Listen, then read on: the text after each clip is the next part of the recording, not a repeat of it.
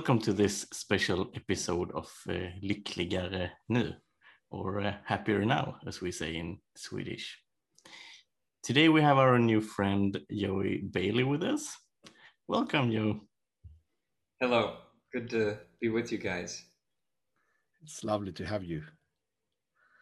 Yeah, re really nice. I've, I've, I've not been to Sweden. I'm hoping to go there. Uh, my new book is going to be in, uh, available all over Europe, and so they might do a tour this fall uh, when it comes out in October. We'll see. Yeah, that's great. Yeah, you have to have to come and visit us here in Sweden. That, that would, be, be great. Yeah, yeah, you you are welcome. so, welcome. Is that it? Is that the right word? Välkommen is in Swedish. Välkommen. Yeah. Mm, yeah, yeah. Good. I, I, you're a star already. Yeah. well, it's I've been around it all my life. I, I, I we we uh we have a a radio show for many years here called uh, Lake Wobegon, and it's all about uh, the Scandinavians and the Lutheran Church, and uh, uh it's a comedy kind of thing that is very very popular here. So was always making fun of the Scandinavians. I can imagine. and he's Scandinavian, so. Yeah. So um, I, I, met you at the How to Connect with Human uh, series, the, the webinars oh, okay. yeah, that uh, Ca Carolina and Wayne are running, our dear yeah. friends. Yeah. Uh, it was really, really nice, and and um, then I also watched your talk at the 3P UK uh, conference, and uh, I really liked that one as well. So, so uh, I thought it would be very nice to have you here on on our podcast as well. Well, thank you for inviting me. Yeah, thank you, thank you for joining us.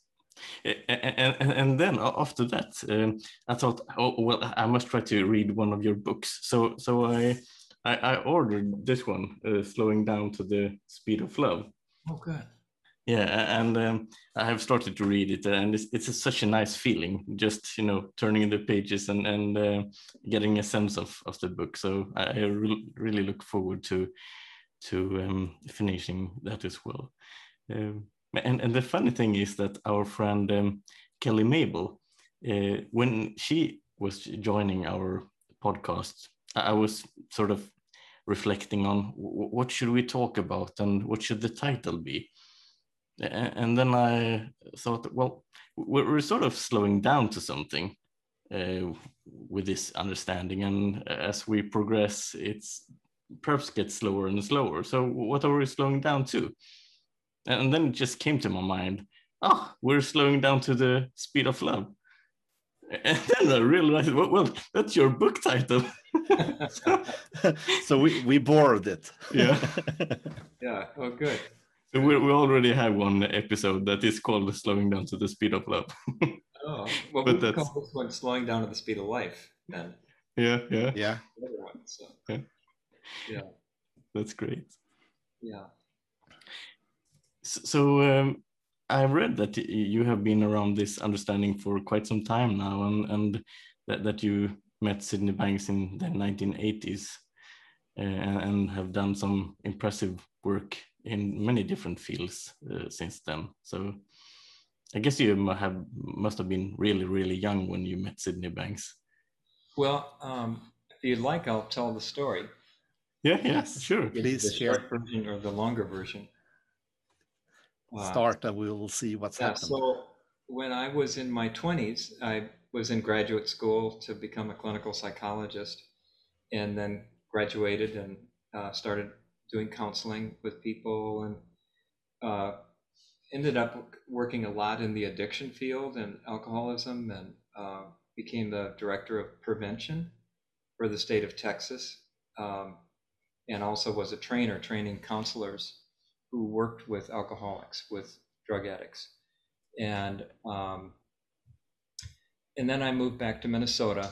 I had been going to graduate school in Texas, but when my son was born, we moved back to to Minnesota, and I got a job working at uh, a training center for addiction, and um, so anyway, I and then I got into private practice, and so I and had a, my my son and went through a divorce and my life was kind of a mess and i was really during that whole time just i was a searcher. I was always searching for something more. Something was missing in psychotherapy. Something was missing in in in our understanding of how to help people.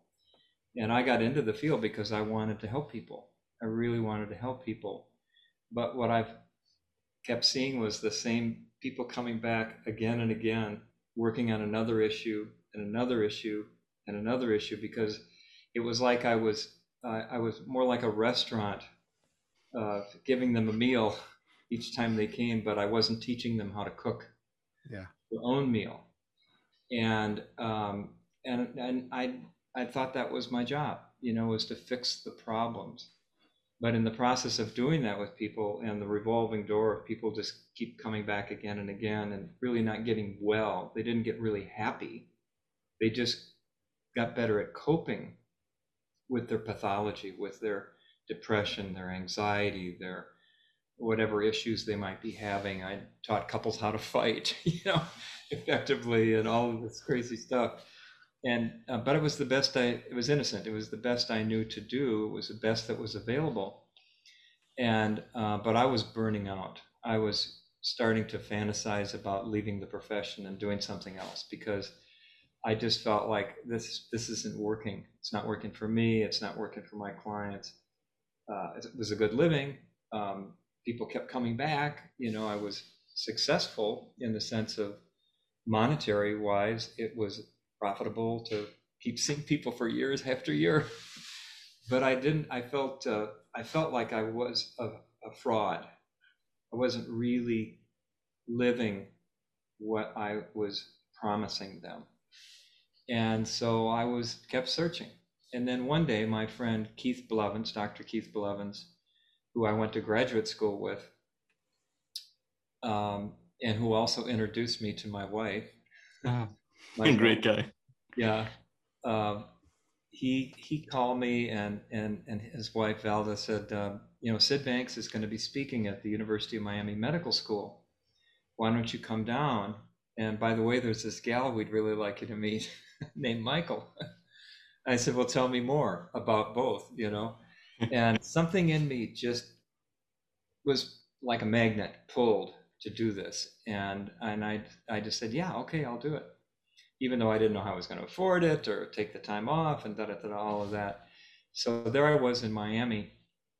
And the, that, that weekend, Sydney was going to be speaking at the medical school. And, uh, but then the night before, they all gathered at Rick Suarez's sister's house. We had a, a, a dinner and maybe about a dozen people. And, um, but earlier uh, we went to pick up Michael at the airport. And when I met her, it was just, I fell in love with her immediately. And it was mutual, thank God. That's beautiful. and so it was quite a day in my life that I met Michael, uh, who we've just celebrated our 39th wedding anniversary this mm-hmm. last week.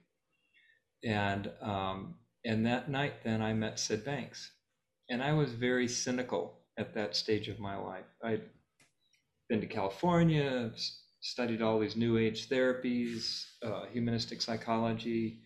I'd trained with some of the best therapists in America: Virginia Satir, Milton Erickson, all these very famous therapists. And um, and so I, I just thought maybe I'll leave the profession. But when I met Sid and was around the other people who had been studying with him, they had such a joy. They were happy. Hmm. They were happy. And I hadn't felt that happy since I was a little boy. I got very serious over the years, more and more serious. Life was heavy, life was stressful, life is hard work. And so I was very attracted to that feeling. But everything that Sid said, because we sat around in a circle and had our dinner, and then all of a sudden Sid started speaking. And uh, and I thought, what what am I got myself into here? And everyone was just really quiet, and and I've got very anxious. And and he just kind of looked at me, and he just started addressing every question that would come up in my mind. And that really spooked me out. I thought he's reading my mind. What is what have I got myself into here? But despite my intellect raging with yeah, but what about yeah, but what about this? And yeah, but what about the past? And well, yeah, but what about trauma? What about addiction? And what about this? And what about that? All these barriers I was setting up. In spite of that, this feeling of lightheartedness came back to me. It reawakened. And I, I, I began to kind of settle down in that, that evening. And I don't know, I just had fun. I fell in love. I was having fun. I was laughing a lot. And and even though I didn't understand what Sid was saying, it was impacting me. It was changing me without me cognitively understanding what was going on. And um, and I've never looked back since that day. You know, it was like uh, I came back to Minnesota, and a few months later, Michael moved to Minnesota, and I was just building a house at the time. And so the day the house was available, she came up and we moved in together. And um, I went back to my private practice and I looked at my partner and I told her what happened, my business partner, and she didn't know what to make of it. And so we had a meeting with my supervisor, a psychiatrist, Dr. Carl Whitaker, very famous family therapist. And I told him what happened. And he said, It sounds like you've had a paradigm shift, Joe. And he sent me Kuhn's book on paradigm shifts. And he was very respectful. He said, But you've had a paradigm shift. And my business partner got offered a job and she moved to California at the same time, coincidentally. Mm. So that ended. I was in a solo practice. And pretty soon my practice, because I didn't know how to do counseling with the three principles, there were no courses on it. There was no training. There was no books. There was nothing. There was just Sid Banks and a few tapes, audio tapes. And so I just kind of winged it but even though I didn't know what I was doing, my clients started getting well. And they would say, Why didn't you tell me this earlier? This is so simple. Instead of going back in the past and rehashing all this, but this is so much easier. Thank you. And then within a few weeks, they would be gone. And they were, pretty soon, I didn't have very many clients. And I thought, this is not a good financial model. but then they told their friends, and they and pretty soon I had more clients than I could see. Hmm. And Christine Heath was down the hall, and she was very. She thought I'd gone crazy. Um, she was a feminist therapist, and um, so I brought Roger Mills, Dr. Roger Mills, to the University of Minnesota to speak about this new psychology. And I got about 150 people to come hear him. And Chris Heath, I think, was the only one that heard anything. And it really hit her hard. And she really changed. So the two of us decided we would start our own mental health center and train therapists because we had way too many clients. We couldn't see them all. We just, the referrals were just exploding. And so we started a, uh, an institute and became a training center for the three principles. And we did research and mostly we did counseling, but then we started spreading out and working with school systems and inner city uh, housing and corporations and hospitals, and we just saw that the principles applied to everything. So that um, Chris ended up moving to Hawaii and starting another center over there, and I ran that institute for many years. And um, but it was we we treated thousands of people and people just changed so much. It was it was everything I'd ever looked for when I felt the calling to help people as a counselor. And I finally found how to help people and myself in the process. Yeah. So that's kind of the beginning of the story. Yeah, that's great. Great to hear. Yeah, I guess story. that was before the three principles were, um, you know, put into words. Yeah, yeah.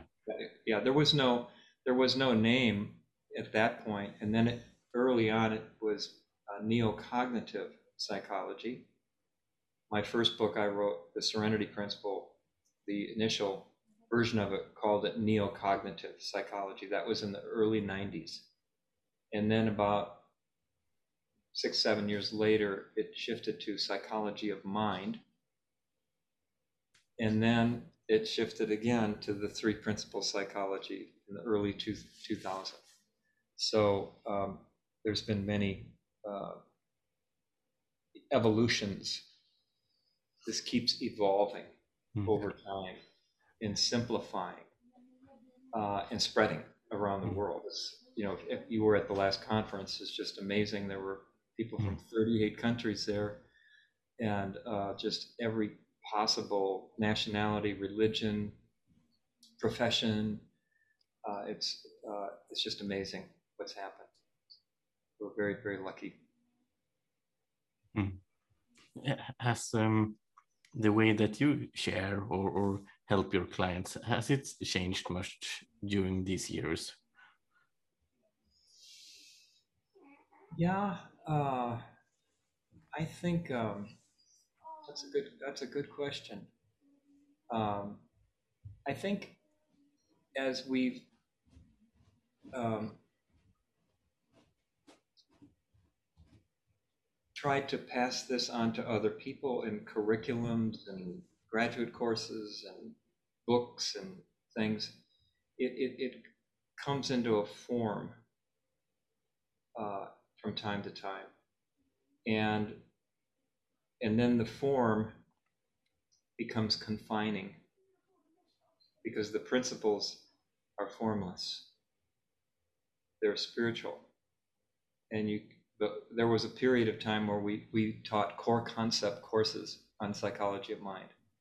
And we had, we were, the, the president of the American Psychological Association came to one of our conventions and he recommended that if you want to get this into the mainstream of psychology, you need to have core concepts, you need to do research, and you need to have courses that train people in these concepts.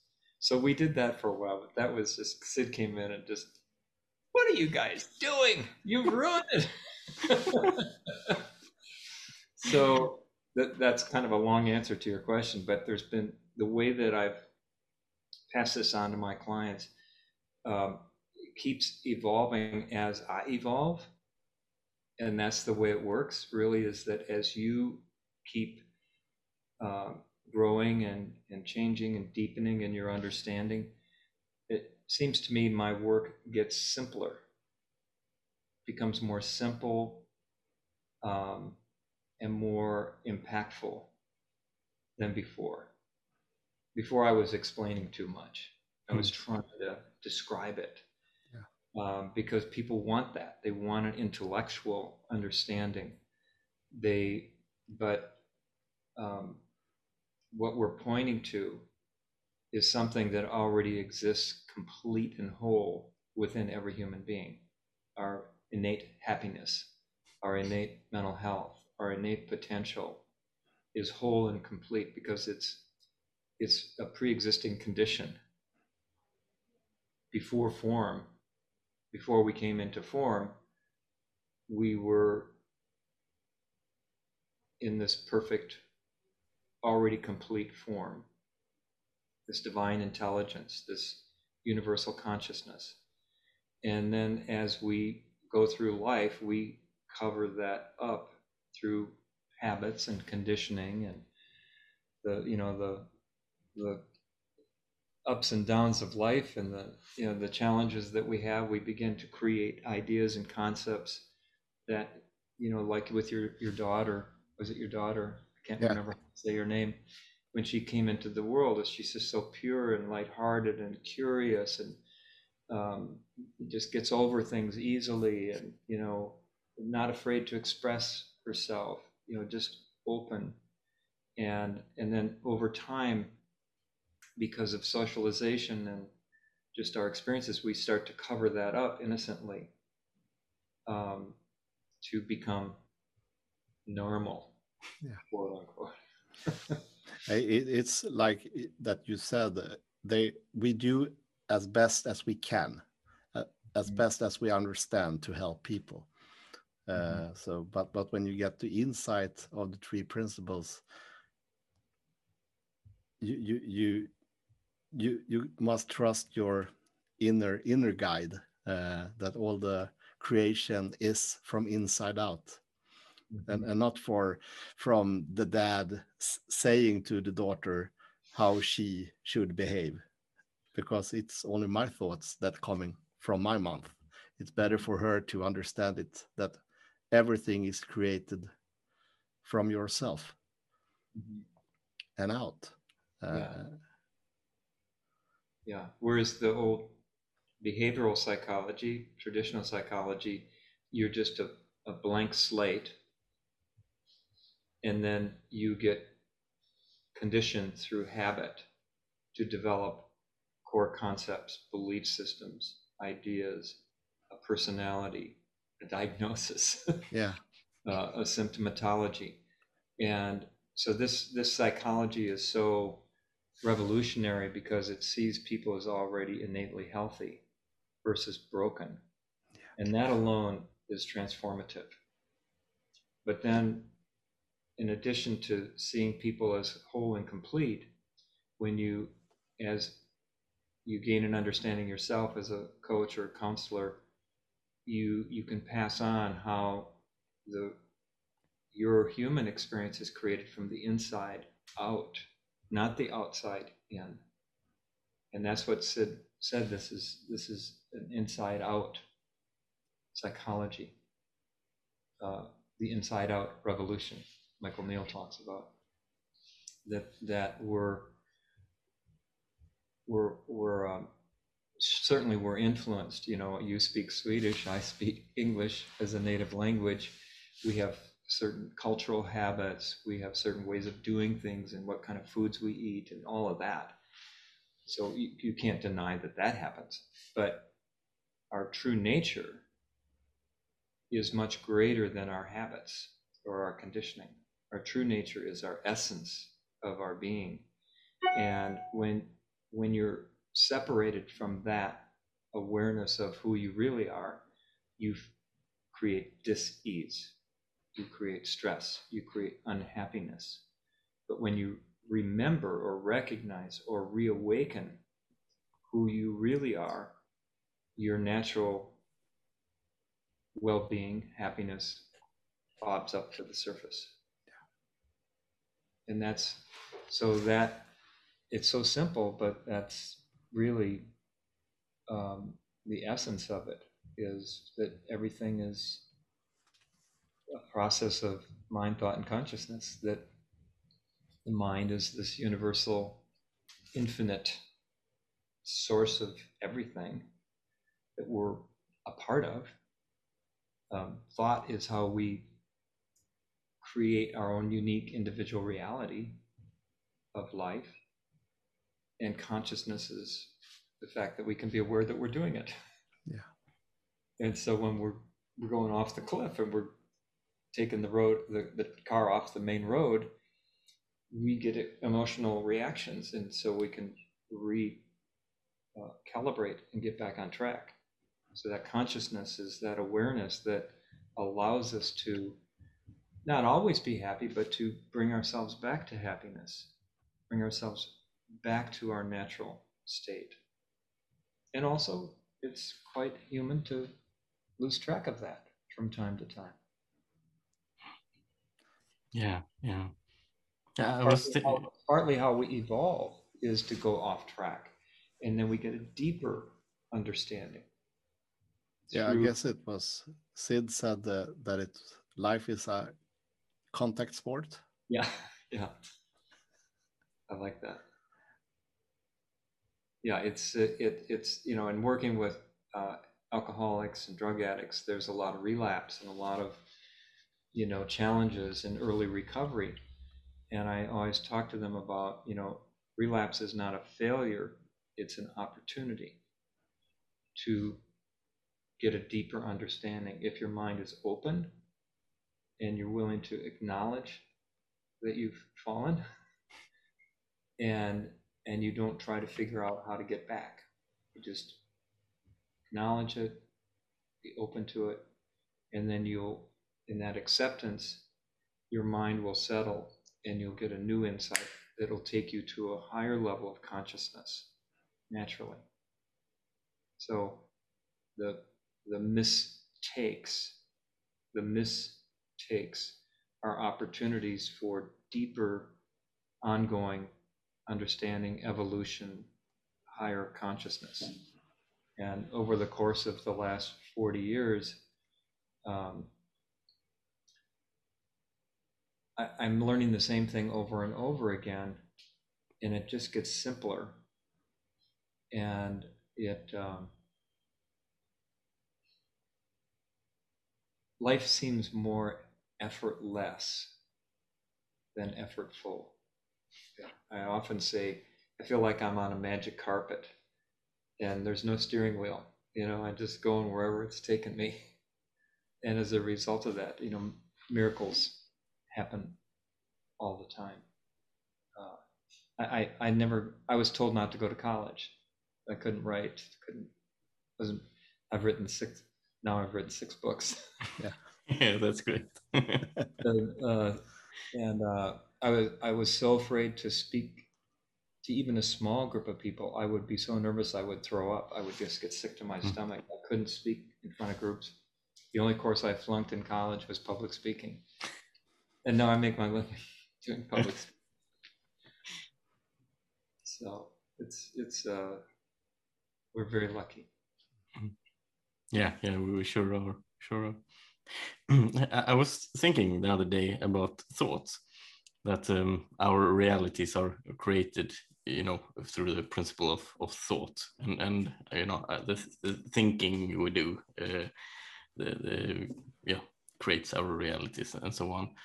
Um, and, and then I thought that in in some 3P communities there's a lot of um, discussions and so on about a thought, you know, a single thought. But uh, I was wondering, is that really relevant in some way? Because I noticed that in some situations, um, for example, if um, I feel something um, physical, like um, I had some issue with my balance system, so if I just, uh, you know, uh, turn my head, uh, the whole world was spinning around. Oh, So- vertigo. Yeah. So so um, it's like uh, there's that information that something is happening, uh, and then uh, there was a lot of uh, something else, and after a while I discovered, "Oh, well, th- that's my thinking, but but uh, at that time I couldn't see it. It was like uh, one one um, box with every, everything. Um, and at certain times uh, for me at least it, it can feel like I'm, I'm not thinking but there's something going on. And then i can uh, sort of just relax and get more present. And th- that sort of disappears. It, it's like you know if you have a virus on your computer you may not notice it but if you you know remove it something clears up so so th- th- that was just some some reflections from from me. But the questions uh, question for you joey is that is it sort of relevant to to talk about a thought from your perspective? I, I think that that's uh, going down the rabbit hole when you analyze your thinking, you know, or try to think differently, or wonder why you're thinking what you're thinking, or um, uh, what you're. That that's more cognitive psychology, is focused on the content of thought, a thought, Mm. the thoughts that you have. Um, whereas the three principles counseling as a as a counseling or a coaching um, application is more about being aware that you're thinking because we we fall asleep to the fact that we're thinking and creating our perceptions, our emotions, and our behavior. We're just kind of going through the motions in life on autopilot, um, which is fine. But if you hit the ditch, you need to get back on the road. And so sometimes hitting the, the, the little bumps on the side of the road is a wake up, just like your emotions of stress or un- unhappiness are a signal that you're maybe misusing your thinking. It's just kind of an alert system, like an alert that fundamentally I'm I'm living in the feeling of my thinking. That's what's creating my feelings, not what I'm thinking about, but the fact that I'm thinking about what I'm thinking about. And that's a whole different ballgame. In the cognitive psychologies, you get in and you, you try to change your thinking. You analyze where your thinking came from, where those habits derive from. And so you go back into the problem to fix the problem. In three principles of psychology as a counseling coaching process, you're going back to the well of infinite potential thought to create new thought. And new thought is where hope comes from. New thought is where change comes from. New thought is where insight comes from. New thought is where transformation happens. So, pointing people back to the source of transformation and change is really the whole point if you want to help someone have a better life, transform, be happier. You have to point them back to the well of infinite thought that uh, is a much deeper, grander intelligence than your little brain. And when you rely on that, you it's like if you were limited to just the information on your computer, you just only have what was put in there. But because you're we're connected to the internet, you can ask any question about anything, and you have all the libraries and all the science and every bit of encyclopedias and everything at your fingertips on your little iPhone. It's infinite. So universal mind is like that as a metaphor. It's like the it's hmm. like the, the, the web of all knowledge. But it's even greater than the web because it's it's not only everything that's ever been created, it's everything that is yet to be created.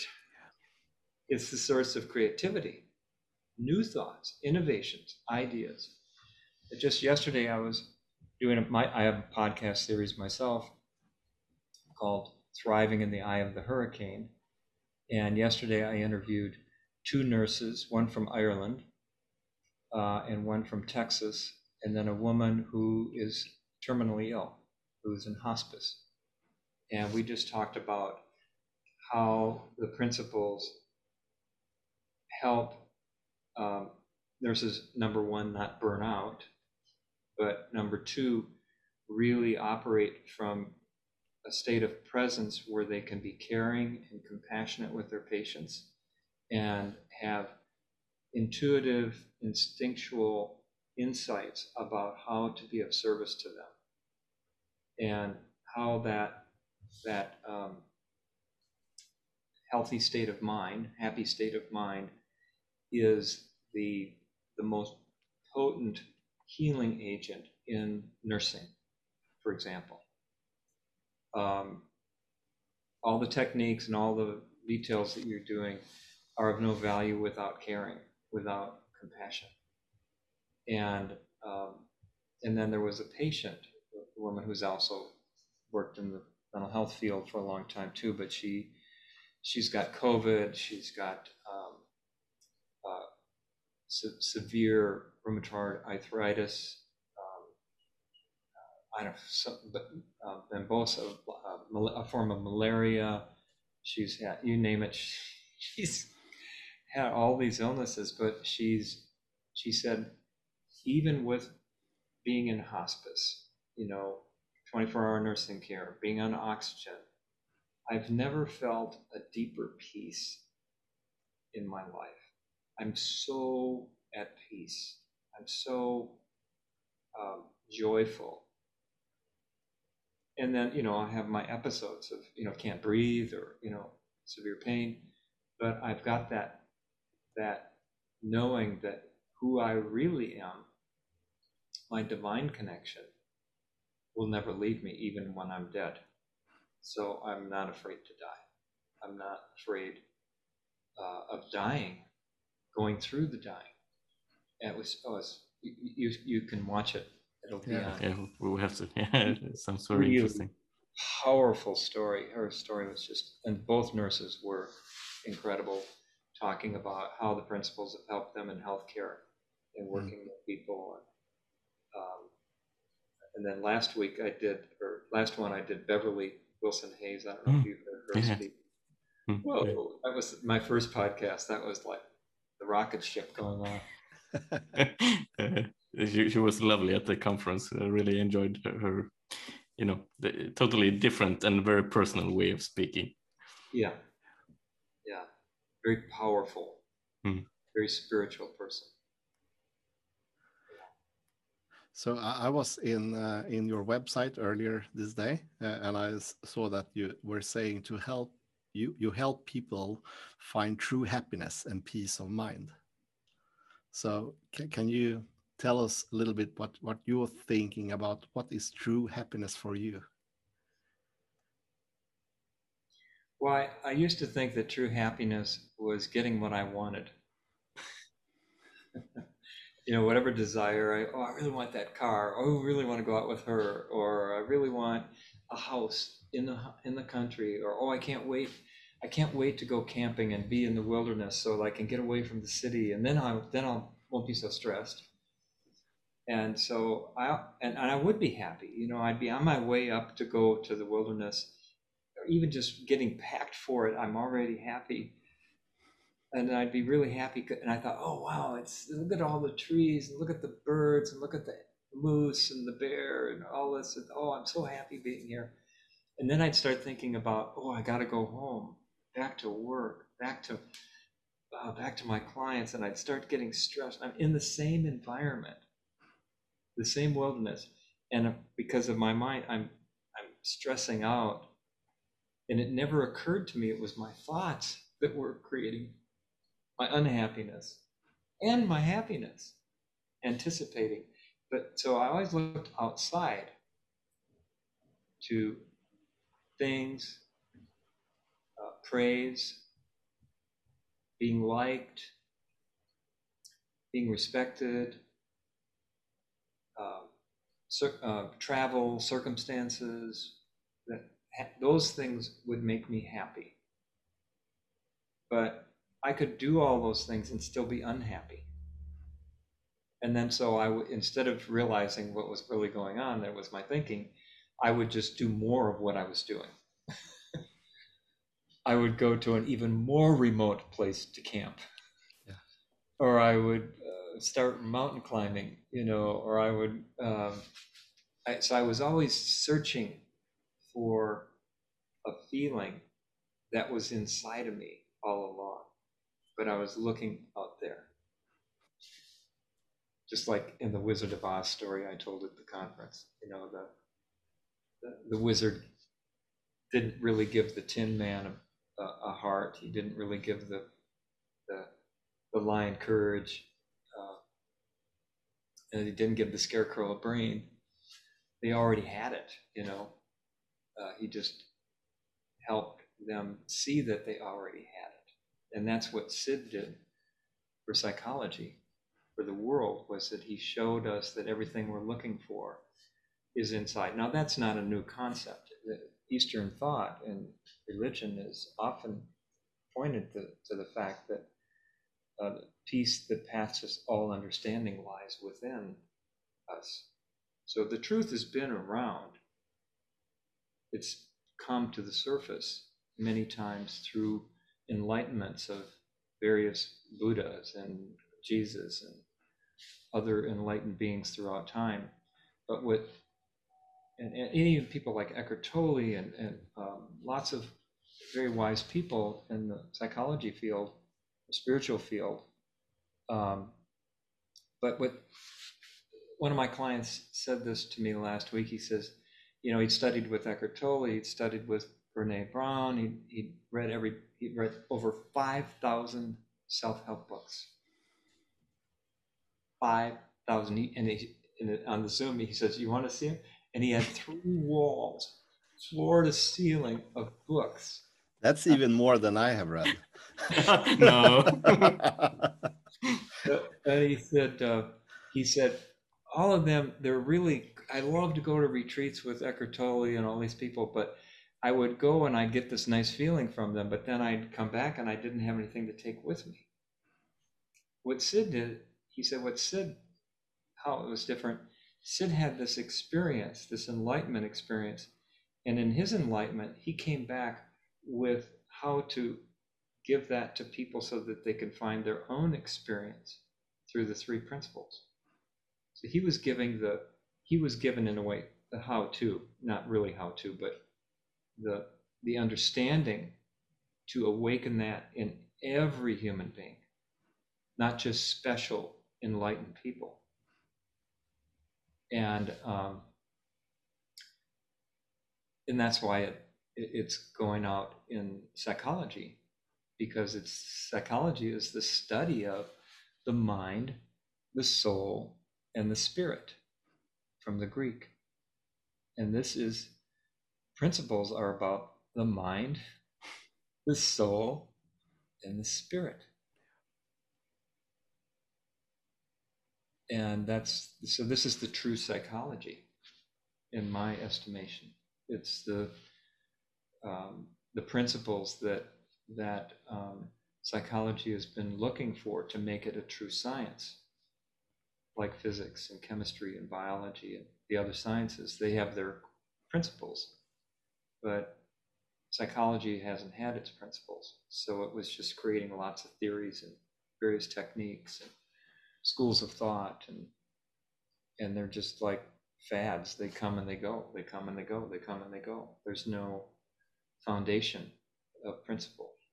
Sid gave us the principles. That was the gift.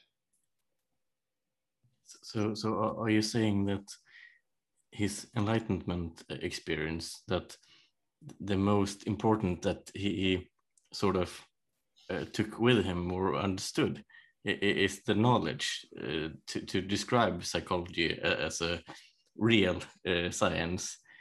Um, yeah, I, I think he, when he had his experience, he, he first of all, he, he, he said his first words to his wife were, I've come home, pet, I've come home.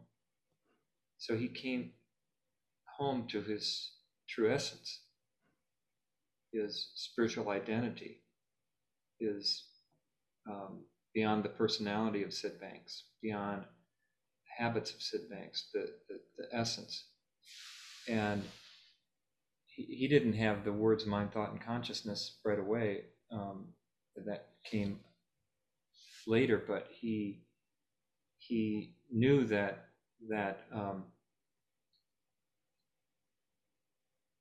we're all living in a world of thought and that's what is the creation of our experience is the thought that the the, the illusion of the physical world is um, uh, it's not where it's at. It's not about changing the, the external. It's because you can't experience the, the trees, the um, music, uh, your children. You can't experience it without mind, thought, and consciousness. And that's true for every human being that's ever lived. So once that was discovered, then um, the danger is to put it into too many words, you know, hmm. because then it gets intellectualized. Yeah. Um, so you, you, you can't really teach it to someone. It, it has to be realized through an hmm. insight. You just do the, do the best you can, you know. But Yeah. um, and when I'm working with people, I'm really just having them reflect on when they've had their own insights in the past, and and um, when were you really ha- what to talk about a time when you were really happy, you know, and um, you know to try to help bridge to people's experience of the true reality you know when they fell in love with their spouse or when their child was born or when they were on vacation and the sunset made them cry. You know there was something that happened. So when that's a, a people touch the divine. People touch the true essence.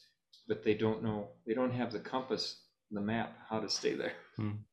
and that's what the principles gives us is the navigation through our own moods and states of consciousness and mind to find our way back home like sid said. And, and the funny thing is that when, when you have got some insight on the three principles, you, you have the you have a, a little roadmap or, or a treasure map so you can easily come back home instead of trying to do some new method uh, or, or or thinking that you are on the wrong road if you just calm down you are already home and everything is perfect again. Mhm. but but in the world we are living in today the most people think that they have to do something to come there. But it's the opposite. Do nothing and Yeah. you will be there I, uh, one of the nurses yesterday, the nurse from Ireland, she says the way that I try to teach this to the nurses is I use the metaphor of a snow globe. You know, a little like a little Christmas tree in there, or Santa Claus, or a reindeer, or whatever. Yeah. When you when you shake it up, it's just you can't see the image in there. But if you just set it down, gravity will stop the snow, and then you can see what's in there. And it's kind of like that you know that you know our thinking gets shaken up and we can't see the forest for the trees. We can't see the simple truth. We can't see the solution. But when we quiet our minds not by quieting our mind but by doing nothing the mind quiets. And then the truth is revealed. The reality the true reality is seen. The solution to a disagreement to um, climate change, to finding a vaccine, to um, inventing uh, a safer uh, system for air travel. You know, it, all of these insights have come through human, scientists, human beings. They'll just be curious about something, and then something will, out of the blue, hit them, Yeah. and it will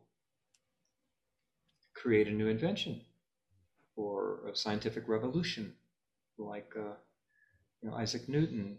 You know, when he was away from the pandemic in London, took a year off. That's when he created all of his theories of motion and uh, light and prisms and all of that. Mhm. Was when he was not in school, not when he was in school, but when he wasn't in school. It gave his mind room to get curious and to ponder and, and all this, which allowed the Industrial Revolution to occur. Hmm. That was a divine insight. And now we're we could travel uh, to other planets and the moon and uh, God knows what we'll be able to do, you know. Yeah. And we're only like we're probably ants compared to what's possible. yeah.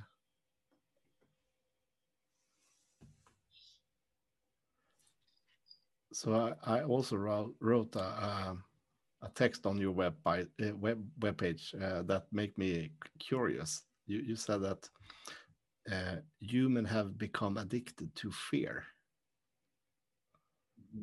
Can you explain a little bit more of that? Yeah, I, I grew up in a family that was very um, worried a lot. Worried about the weather, or the crops. It was a, a agricultural family, so always worried about the weather. That was the main topic of conversation, the weather. Or do we have enough money? Worried about money. Um, worried about how are the kids going to turn out? How are the, you know, my mother was a doctoral candidate in worry. and so I grew up thinking worry was what you just did. You had to in order to succeed, in order to improve, in order to grow up, you had to become a better worrier, which was fear.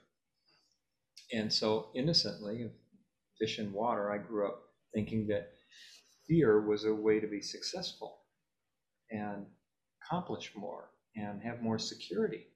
Because the more you got, the more secure you'd feel. But then you'd worry if you're going to lose what you have. you always have to worry. You don't want to be complacent. You don't want to be content. Then you'll you your your guard will be down, and then so I I I became addicted to fear and um, innocently just learned that habit. And as I got older, I just thought about more things to worry about, and uh, thought the only way I was going to get into be a psychologist was to get straight A's in college, and so I studied and worried and just hardly slept, and you know, I was just driven, and um, and then when I got my into graduate school, then I was, you know, you know, it was always something more to worry about. There was no end to the worries, and so I developed panic attacks uh, in college, and, and uh, you know, diagnosable fear, and um, and I thought it was a a good thing to be fearful. But it was uncomfortable and I didn't like it and I couldn't sleep at night because I was so worried.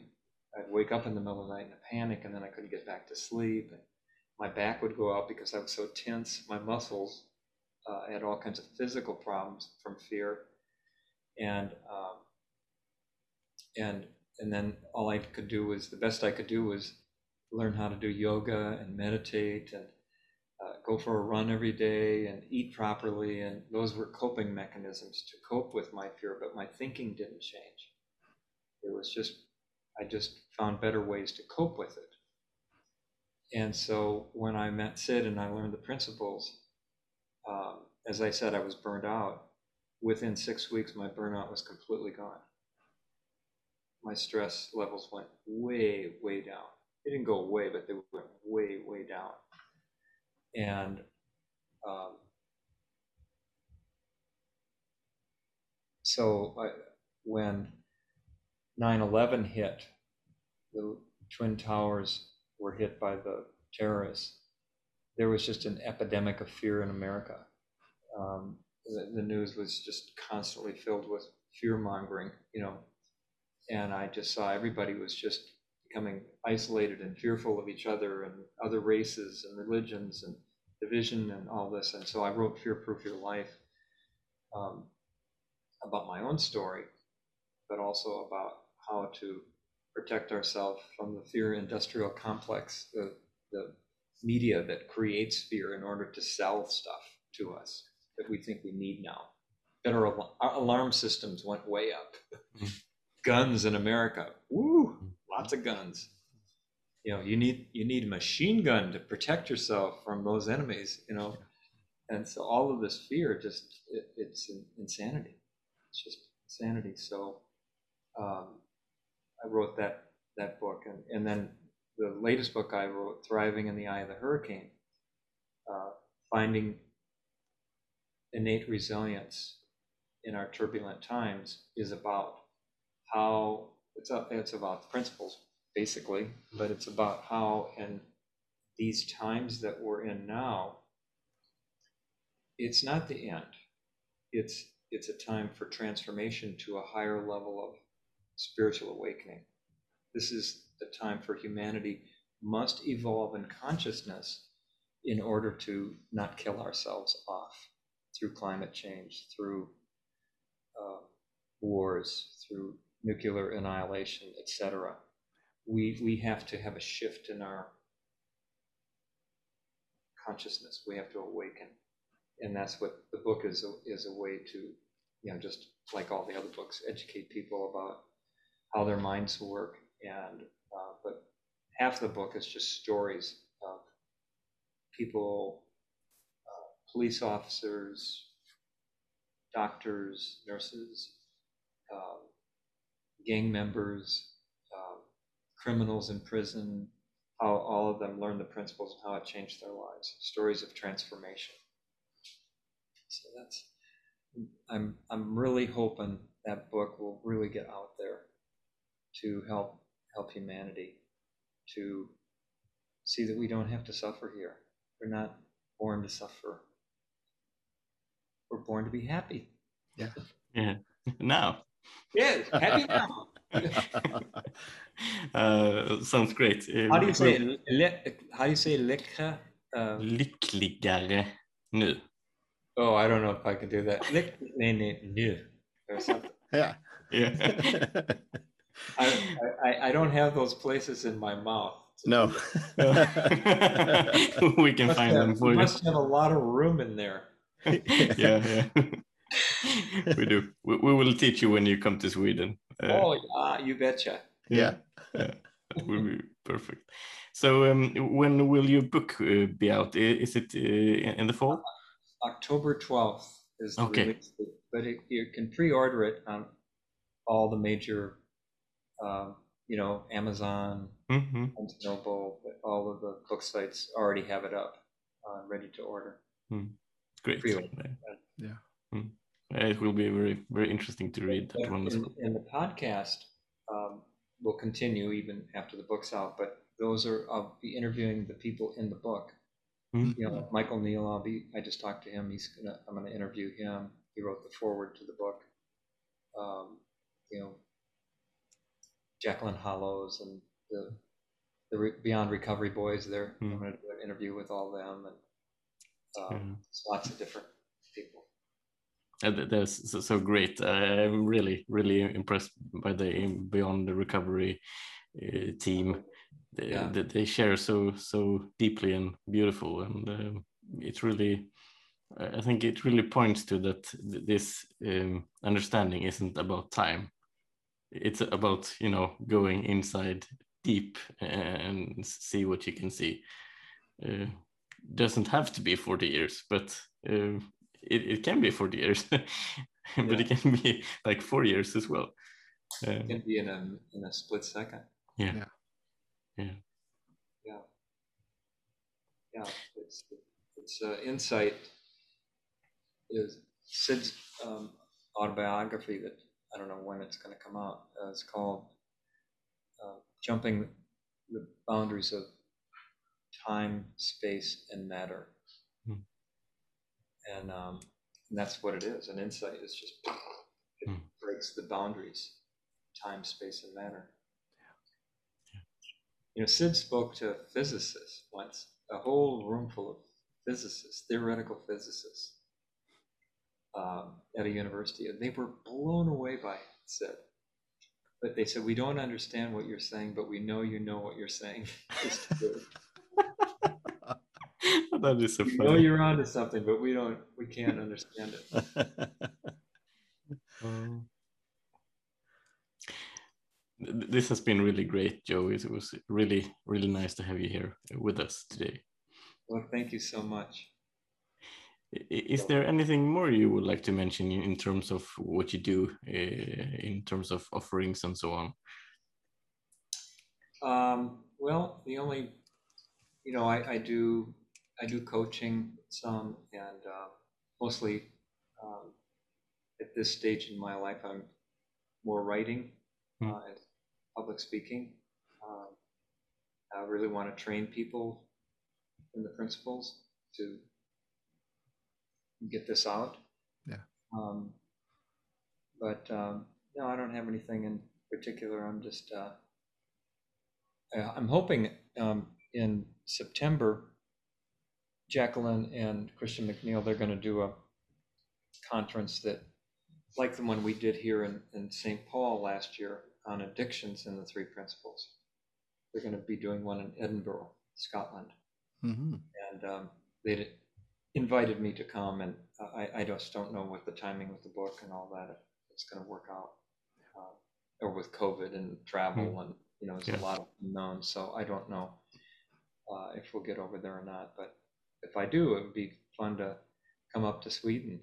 Yeah, My yeah. wife and I have never been to Scandinavia. Uh, been most places in Europe, but not Scandinavia. Yeah, You of have- course. You, you you're have to very welcome. Yeah. Be fun. Well, well, good to meet you guys. Um, keep up the good work. Thank you so much. Uh, it has really been an honor to to have you on our podcast. Uh, so, thank you for sharing uh, so much hope to to the rest of the world. You're welcome, Nicholas. yeah, thank you very much, Joe. It has been a really, really Philip Nicholas. Yeah. yeah really pleasure to have you here and and uh, not just hear you you speak but also get a, that nice feeling that comes with it um, i really really appreciate it Well, you guys are uh, doing good work there. You keep it up. Thank you so much for sharing with uh, all the people you share with. great so um, have a lo- lo- lovely day and um, i hope to see you soon Okay, you guys take care. Thank bye you. bye Bye bye. Bye bye. Thank